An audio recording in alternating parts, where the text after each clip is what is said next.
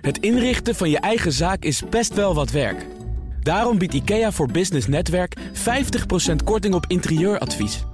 Word gratis lid en laat je werkplek voor je werken.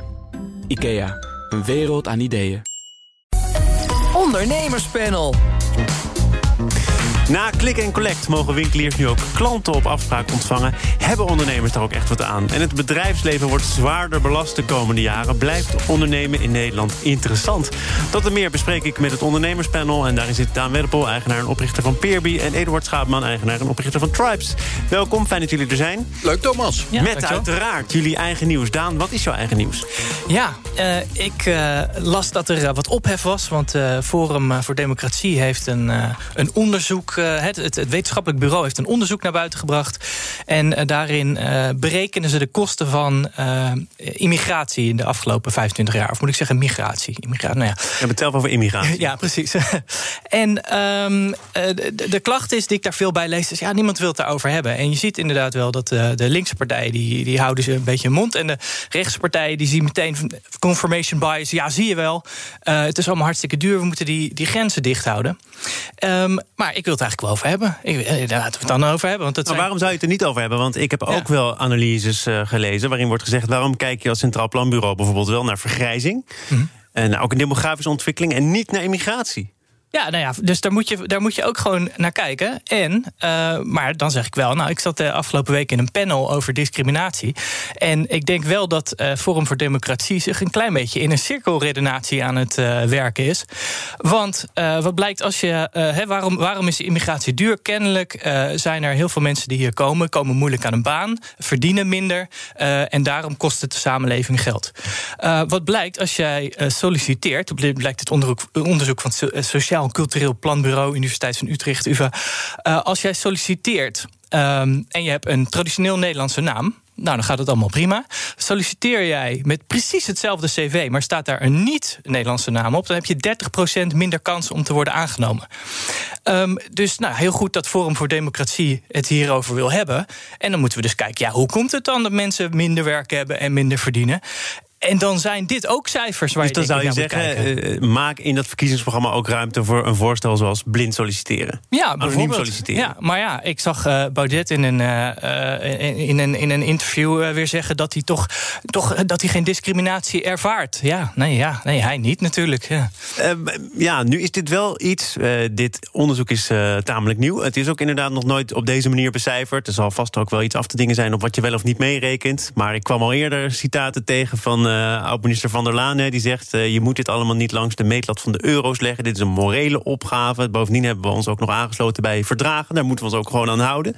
Maar als je het nu hebt over wat jij nu concreet noemt, namelijk discriminatie op de arbeidsmarkt, dat is geen nieuw fenomeen. Iedereen weet dat het bestaat. Ja. Waarom wordt het niet aangepakt dan, denk jij? Ja, eh, ik denk omdat eh, bijna eh, iedereen denkt dat is een probleem van de ander. En dat is, dat is bij mij niet aan de hand, dus eh, het zal allemaal wel meevallen.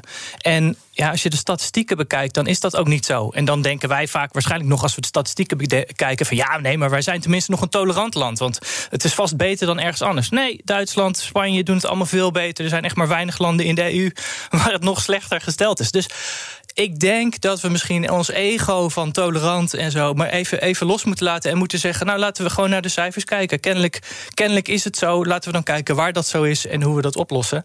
En eh, ja, Wordt er nog wel eens een sollicitatiebrief gericht aan Eduard Schaapman? Eh, krijg je er heel veel. Ja? Ja, ja hartstikke leuk. Kijk je meteen En, naar eh, de naam? Krijg je, heb- krijgen die een apart stapeltje? Ik heb eh, namen? in mijn eh, bedrijf 23% andere culturen. Eh, dat komt natuurlijk ook een beetje omdat Tribes Inspiring Workplaces heel erg kijkt naar die nomaden overal uit de wereld. En ik kan je vertellen hoe diverser mijn culturen in de house, hoe leuker het wordt. Ik heb ook 70% vrouwen, ook al heb ik daar geen quota op gezet. Eh, dus ja, ik, eh, moet, ik, heb, ik zal eerlijk zeggen, sommige namen heb ik eh, problemen mee. Dus Sukari, hallo Sukari, ik zeg dan Suki bijvoorbeeld. Dat wel, ik verkort het af.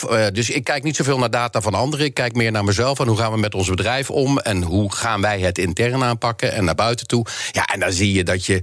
het gaat niet om die verpakking, het gaat om de inhoud. En die inhoud haal je ook bij andere soorten verpakkingen. Dus ja, het is weer een hele praktische oplossing ik, Thomas. Ik ben niet zo van het allerwetenschappelijke. Ik ben gewoon van de praktisch. Wat kun je er zelf aan doen? Nou, dit doe ik eraan. Maar die inhoud die moet natuurlijk wel, en inhoud betekent dan in jouw geval mensen, geldt voor heel veel bedrijven, naar kantoor komen om het voor jou ook een beetje interessant te houden. Ja, En terwijl klopt. we blijven natuurlijk ook na corona allemaal thuiswerken. Ja, dat denk jij, hè? dat toch? denk jij. Dat denk Nou, jij. Nou, ik gelukkig, ben de hè. laatste Ik om heb, dat te eh, zeggen, want ik ben niet elke dag, maar goed. Ja, ja, ja, ik heb natuurlijk hier eh, dik over gesproken. En eh, met een aantal trendwatchers, Vincent Evers, Lieke Lamp. En eh, wat het leuke is, eh, in eh, mei hebben we allemaal geroepen... twee derde van de mensen blijft voortaan thuiswerken. Dat was in mei een groot eh, onderzoek. En, een, eh, en nu krijgen we terug... twee derde van de mensen willen gillend terug naar kantoor. Dus ja, voor mij is het een, een hype en geen trend. En ik denk ook echt dat we ongelooflijk die sociale contacten eh, missen. En Ik heb dat het we idee dus- dat er heel veel onderzoeken naast elkaar worden gepubliceerd. Absoluut, met absoluut. Voor iedereen de wenselijke Ja, dat conclusies. klopt, maar dat zie ik ook steeds meer. Hè. Ik bedoel, de Arbo-Unie had inderdaad een rapport eh, gepubliceerd van een week geleden... waarin eh, er werd gezegd, nou, de meeste mensen willen wel Precies. thuiswerken. En dan ga je vragen, wie hebben jullie geïnterviewd? De overheid. Ja, yes, wie, heb, wie kunnen heb jij het gevraagd of kantoren weer in trek nou, zijn? ik heb Eduard die, nee, nee, nee, nee, ik heb niet die onderzoeken zelf gedaan. Ik haal die onderzoeken eh, ook uit de media. En inderdaad, eh, ik had het er net ook al in het voorgesprek over eh, met Daan. Hoe moeten we nou al die data die wij voorgeschoteld krijgen precies interpreteren? Nou, de enige manier waarop ik het kan interpreteren is te kijken wat gebeurt er in de praktijk. En hier aan de overkant, Amstel zit vol met allemaal jongeren die van grote bedrijven komen, die niet meer naar het grote bedrijf mogen, want dat mag niet. Maar die mogen wel een dagpas bij ons afnemen en dat wordt dan wel vergoed. Dus dat is ook weer een praktijkervaring. Ik kan niet naar al die data kijken. Ik kijk wat gebeurt er in mei 25 gebouwen. En ja hoor, ze lopen weer goed vol. Hoe denk jij dat het eruit gaat zien? Want die rapporten die worden allemaal gepubliceerd met tamelijk eensluidende conclusies. Althans, hè, met grote meerderheid voor of tegen thuiswerken. Daan, wat denk jij dat de praktijk zal zijn? Ja, wij werken al een- meer dan een jaar thuis. Ehm, dat heeft er ook mee te maken dat op het moment dat corona begon... onze eh, kantoorlocatie failliet ging.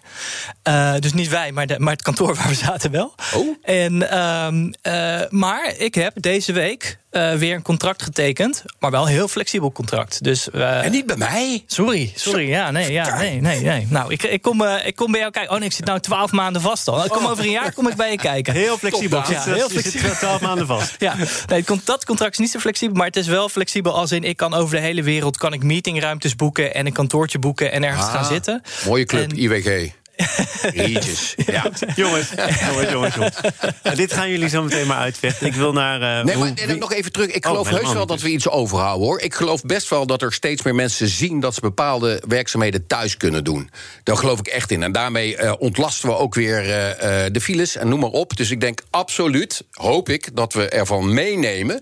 dat we bepaalde zaken gewoon thuis kunnen doen... in de plaats van per se naar kantoor komen. Maar die ontmoetingsplek die blijft wel bestaan. naar winkels komen. Dat is wat eh, volgens InRetail en andere brancheverenigingen van winkeliers ook weer zou moeten kunnen. En dan op een andere manier dan op dit moment eh, aan de orde is. Ik zie wel dat de, de eisen ook wat worden opgeschoven. Eerst was het gaan nou eens werken aan click en collect. En laten we dan zorgen dat click en collect de opmaat is naar winkel op afspraak. En nu is winkel op afspraak er. Twee mensen per verdieping, tien minuten binnen. En dat is niet voldoende. Is dat ook echt niet voldoende, Eduard? Of moet je soms ook gewoon even tevreden zijn? Ja, Thomas, je hebt er altijd een fantastische redactie. Dus van tevoren krijgen we deze onderwerpen. En dan ga ik eh, inderdaad bekende ondernemers bellen... die bijvoorbeeld in de retail zitten. Dus ik heb twee ondernemers gebeld. De een heeft een keten van 15, 15 retailzaken... de ander heeft een keten van 25 retailzaken. Ze zijn allebei begonnen met de een vier zaken... en de andere zes zaken. En wat gaan ze doen? Het heeft geen zooi aan de duit. We sluiten de tent weer helemaal vanaf maandag. Waarom? De verwachting was, mensen hebben drie maanden geen kleding meer gekocht. Die komen naar binnen en die willen weer heel veel kopen. Het blijft kijken, kijken, kijken, niet kopen. Dus ja, Maar je moet ook binnen 10 minuten je slag slaan. En dan moet je nou, hele dat is niet harde helemaal op. waar. eh, dat is niet helemaal waar. Dat mag je zelf bepalen. Ik heb bijvoorbeeld ook het artikel van het Financieel Dagblad. eh, eh, Lotte met haar zaak. Die zegt van eh, mijn klanten krijgen een uur de tijd om te shoppen en te kijken. hè. Dus dat, bedoel, je kunt het tot max eh, 10 minuten doen. Zoals een paar grote bedrijven dat doen. En dat zijn overigens de bedrijven die dit hebben geleerd. Action in Duitsland, België en Frankrijk, waar ze het al deden. Dus die hadden een gigantische voorsprong op die kleine ondernemer die totaal nog geen ervaring heeft. En moet gaan nadenken hoe moet ik het oplossen. Dus ja, ik denk dat dit weer een, een soort fopspeen is. Die is voorgehouden door eh, het kabinet. En van jongens, we houden jullie weer even een weekje Nou, een rustig. Volksbeen waar ook zelf voor gestreden is door die brancheorganisaties. dat hebben ze hier ja, meerdere keren open. mogen zeggen. Totaal open, dat was iets anders. Nou, dat is wat er nu volgens mij voor de rechter geprobeerd wordt uit te vechten. Maandag met een, met een zaak. Dit zet dus geen zoden aan de dijk, is in ieder geval de conclusie van Eduard. Hoor je wel vaker nu doorcijpelen. Kan het dan anders? Ja, dan, nou ja, ik ga er als een start-up naar kijken. Je, je had een businessmodel wat werkte en dat werkt nu niet meer. En uh, ja, dat is natuurlijk enorm balen voor al die ondernemers. Eh, eh, ze, ze zijn eigenlijk allemaal start-ups geworden. Dus uh, ja, dan moet je, moet je gaan nadenken hoe dan. Dan moet je kennelijk een heel hoog pand gaan uh, huren met heel veel verdiepingen. Waar precies twee mensen in passen. En dan, dan kun je je winkel weer vullen. Maar dus, dus dan is hè, dat IKEA-model, dat is, ja, daar ga, je, daar ga je financieel kapot op. Ja, maar IKEA doet het ook niet omdat ze hebben gezien dat hun omzet online zo gigantisch is gestegen. dat ze te veel kosten moeten maken om die winkels open te gooien. Oh ja? Dus die jongens die waren wel smart, hè? Ja, ja. Net wel. En dat heeft die kleine ondernemer natuurlijk niet. Ik bedoel, de ene uh, retailer die ik sprak, die is nu met een multi-channel platform begonnen. Omdat hij inderdaad denkt, start-up, ik moet iets nieuws, ik moet dus online gaan verkopen. Dus er zijn ook heel veel ondernemers die die kant op gaan. Maar er zijn ook heel veel ondernemers die zeggen van ja, maar daar heb ik helemaal geen ervaring mee. Zeker die kleine, die geen staf heeft met business development, internet, weet ik wat. Daarvoor is het moeilijk. Ja. ja. Stel nou dat je eh, net hebt geïnvesteerd in de wolkenkrabber. Hè? Ja, ze hebben, mensen hebben geluisterd. We gaan tot in de hemel. En dan verandert in één keer de regelgeving. Want het zou wel kunnen, dat pleidooi wordt hier vaker gehouden. Kijk nou niet naar het aantal verdiepingen. Kijk naar het aantal vierkante meters bijvoorbeeld. Ja, ja dus het is ook constant aan het veranderen. En dat maakt het ook heel lastig om natuurlijk een model te vinden wat werkt. Als, het, als je de, iedere week weer een nieuw model moet gaan uh, uitrollen. Een beetje start-up doet er een paar jaar over om uit te vogelen hoe je verdienmodel uh, een beetje levensvatbaar wordt. Oh, dus, heb je het over jezelf? Ja, ja, ja, ja. ja we gaan de, de, de, ik, het is nog extra eigen nieuws. Wij gaan dus komende maand zwarte cijfers draaien. Hoe lang heeft het geduurd? Nou, negen jaar maar. Jezus. Ja. ja, dus ik wil me even aangeven. Uh, maar, dus ik, is best kort. Ik, ja, nou ja, dank je. Ik vind het niet zo gek dat je in een paar weken geen werkend verdienmodel krijgt. Dus uh, ja, ik, ik ben ook bang dat uh, proberen te sleutelen en dan een paar weken te draaien met zo'n idee. Ja, dat het heel lastig gaat zijn om daar, om daar echt uh, toch levensvatbaarheid uh, te krijgen. Maar laten we nou eens kijken naar andere landen. Laten we kijken naar Duitsland weer. Wat doet Duitsland weer? Die zegt dus tegen de winkeliers: oké, we kunnen dadelijk open gaan. Normaal, je moet wel zorgen voor een goede luchtbehandeling. Dus de nieuwe uh, spullen die ze daarvoor nodig hebben, hè, dus de Vero-busters, al die installaties, wordt door 90% vergoed door de overheid. Nou, dan zeg ik, hè, hè, is een kabinet die daar nadenkt met die ondernemer. En dat missen we natuurlijk hier, maar dat onderwerp komt zo. Zaken doen. Eén koppertje. Daan Wedderpol is hier, uh, eigenaar, oprichter van het uh, zwarte cijferschrijvende Peerby. En Eduard Schaapman, eigenaar en oprichter van Rode of Zwarte Cijfers? We zitten weer in het rood. We zitten weer in het rood. Ik denk, vraag het maar even. Ja, ik geef ehm, ook eerlijk antwoord, zoals altijd. We zouden het uh, inderdaad, Eduard, over politiek gaan hebben. Er zijn namelijk wat ondernemers die op kandidatenlijst staan van politieke partijen. die hebben daar onder andere iets over gezegd in het Financiële Dagblad. En ik las dat en ik dacht, ja, hebben ze er eigenlijk wel zin in? Want ze weten van tevoren al dat ze in een omgeving terechtkomen waarin zij zeker niet alleen bepalen hoe het eraan toe gaat. Zou jij te verleiden zijn voor een plekje ergens in Den Haag? Oh, poeh. Nee, nee, nee. Ik, word, uh, ik, ik, voel mij zeer vereerd uh, dat ik af en toe gevraagd word om mee te praten bij allerlei politieke sessies. En um, ik, ik heb geen idee vervolgens wat daarmee gebeurt. Want volgens mij duurt het tien jaar voordat er dan uiteindelijk iets uitrolt, een beslissing uitrolt en er gebeurt iets. En of je daar dan echt aan hebt bijgedragen, het is voor mij niet duidelijk. Eh, dus ik zou gek worden. Ik wil, ik wil resultaat zien, ik wil iets doen. En dan wil ik meteen zien, oh, dit werkt of dit werkt niet. En ik heb in de politiek, ik heb echt geen idee. Tegenover jou staat uh, de beste staatssecretaris die Nederland nooit gehad heeft.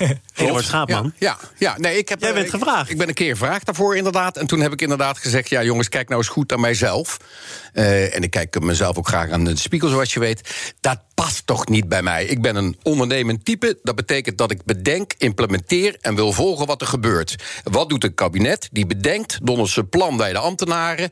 en dan ja, gaan ze weer door met iets anders. Dus dat werkt niet voor mij. Uiteindelijk moet je betrokken Waarom ben je dan gevraagd, denk je? Want uh, je komt pas in beeld als er een soort scoutingcommissie aan het werk is gegaan. Ja, dat klopt. Dat klopt. En die was behoorlijk aan het werk. En dat kan natuurlijk niet anders met zo'n achternaam als ik heb. Dus ja, dan kom je eh, vrij gauw in die bepaalde hoek word je geduwd. Alleen die partij had niet door dat ik niet op die partij stemde. Dus ja, dat was oh, heel dat dramatisch. een totale mismatch. Je had wel nog net even, want dat gebeurt zo af en toe...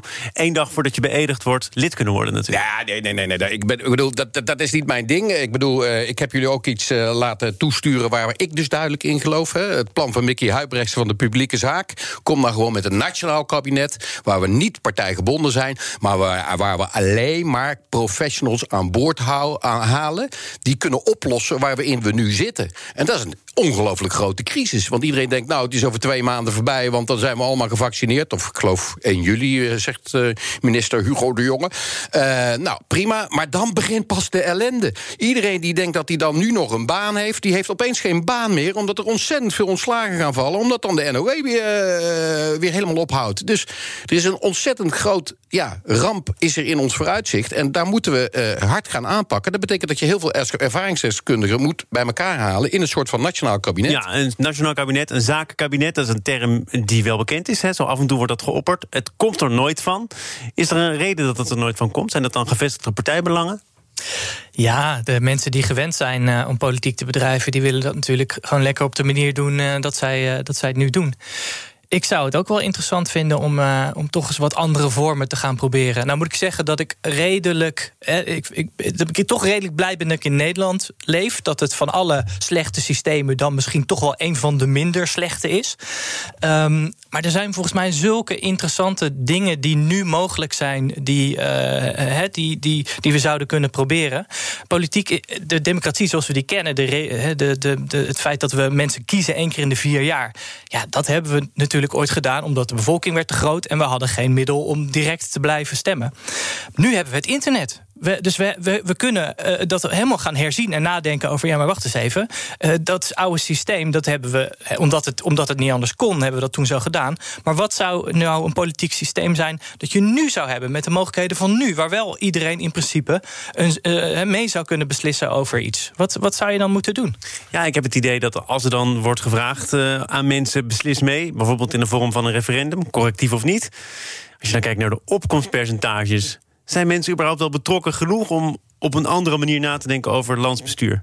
Juist, en dan heb je het onderwerp te pakken. Oh, eindelijk. Eindelijk. Nou, ik zie dat de tijd de visie, is. Het leiderschap van de beste baas die we nu hebben in Nederland ontbreekt. Dus ja, als, als die er niet is, dan is niemand geïnspireerd. Wil niemand ja, daar iets mee te maken hebben. Dat is het probleem met de huidige politiek die we hebben. Iedereen heeft zoiets, oké, we kunnen wel stemmen, we kunnen wel doen, maar het maakt toch nou, niks stap er uit. dan zelf in, Eduard. Want dit is natuurlijk ook van de, van de zijlijn zeggen dat het beter dat is kan niet waar, moet. Thomas. Ik ben dus bezig met Mickey Huibrechtse in de publieke zaak... om te kijken hoe kunnen we hier aan werken. Er zijn hele grote ploegen samengesteld om te gaan kijken... hoe komen we met een heel goed boek. Landelijke overheid meer of wel niet. En uh, dat, komt, uh, dat boek wordt uiteindelijk uh, uitgereikt aan de informateur... om toch eens te gaan kijken hoe kunnen we nu komen... naar een kabinet wat zaakkundig is. En dat betekent dus niet alleen maar ondernemers... maar ook hele goede specialisten op andere terreinen. Wetenschap, medici, noem maar op. Gewoon op de terreinen die vertegenwoordigd moeten zijn... zodat we als bevolking heel lekker gelukkig samen kunnen leven... in dit fantastisch mooie landje, zoals De vraag is of uh, als het Centraal Planbureau jullie eigen boeken zou doorrekenen... stel dat het er komt, hoe dat er dan uit zou komen te zien. Het Centraal Planbureau heeft nu de partijprogramma's doorgerekend... van de partijen die eraan mee wilden doen. En er is eigenlijk één conclusie die wel als een paal boven water staat... namelijk het bedrijfsleven gaat extra betalen. Er komt een lastenverzwaring aan. Waarom is dat zo in de mode, denk jij, Daan? Ja, we hebben heel veel kosten gemaakt en iemand moet dat gaan betalen. Uh, dat, uh, dat lijkt me helder. Um, en dan is mijn vraag: ja, moet je dat dan bij de mensen gaan halen? Ik weet het niet, bij de burgers. Ik denk dat. Uh, Want jij ziet het bedrijfsleven eigenlijk als een verzameling medewerkers, dus een verzameling burgers.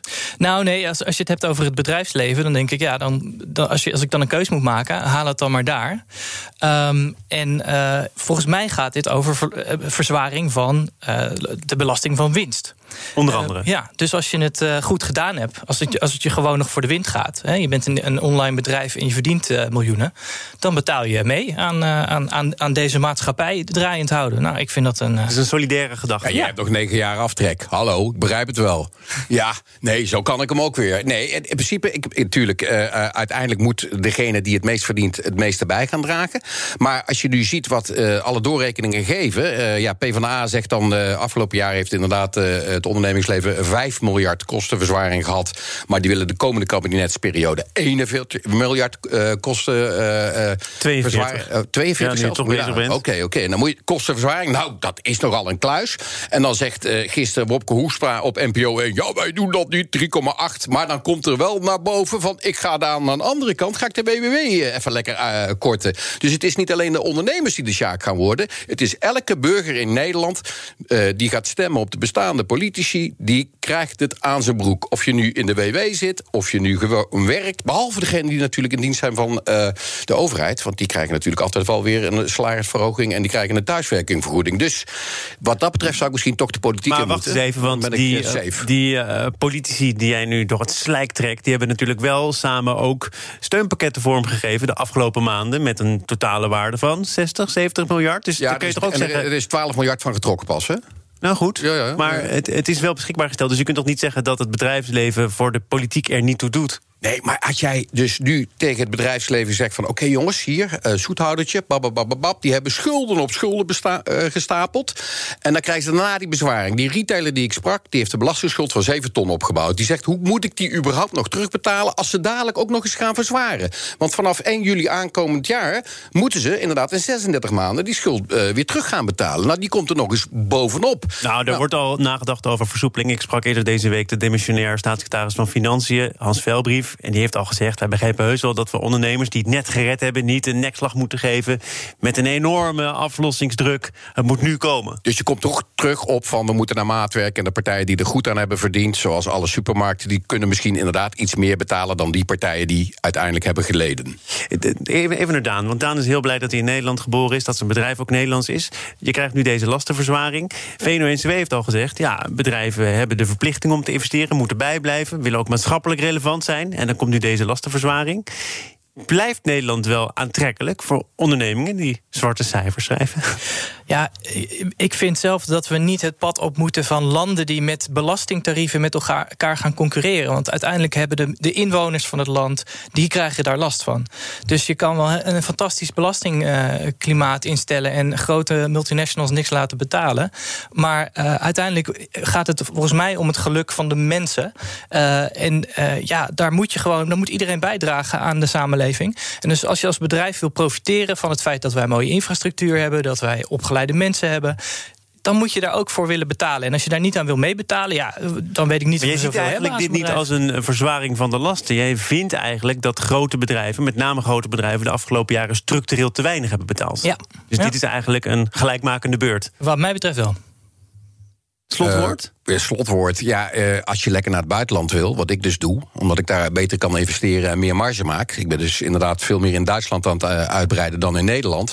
En Nederland kan ik, wil ik heel graag zitten, omdat ik het een heerlijk land vind. Maar qua ondernemen vind ik het niet zo aantrekkelijk als in andere landen om te ondernemen. Dat moet ik gewoon toch concluderen. Dus jij bent op weg naar de uitgang? Als gevolg ik, van al ik, deze. Ik zorg natuurlijk altijd wel dat ik in Nederland blijf. Want dan heb ik altijd weer dat half uurtje met jou, waar ik inderdaad ja, psychologisch behandeld word door je. en dat vind ik heerlijk. Dat is de reden dat ik hier blijf, Thomas. Ik weet niet of je er nou heel veel beter uitkomt in dit panel. Want we hebben allemaal sombere onderwerpen besproken. Heerlijk, heerlijk. Want dan zijn we weer, gaan we weer een goed weekend tegemoet, toch? We zijn er vanaf. Eduard Schaapman, eigenaar en oprichter van Tribes. En Daan Werpel, eigenaar en oprichter van Peerby. Dank voor jullie komst. Als uh, bijdrage aan het ondernemerspanel. Zometeen het laatste half uur van BNR Zaken doen. Met daarin een ondernemer die zijn platform voor werkplekken op bijzondere plekken. Eduard, blijft dus nog even luisteren. Kom pitch. Een kleine update maakt een wereld van verschil. Daarom biedt IKEA voor Business Netwerk gratis snelle interieurtips en ideeën. Word gratis lid en laat je werkplek voor je werken. IKEA, een wereld aan ideeën.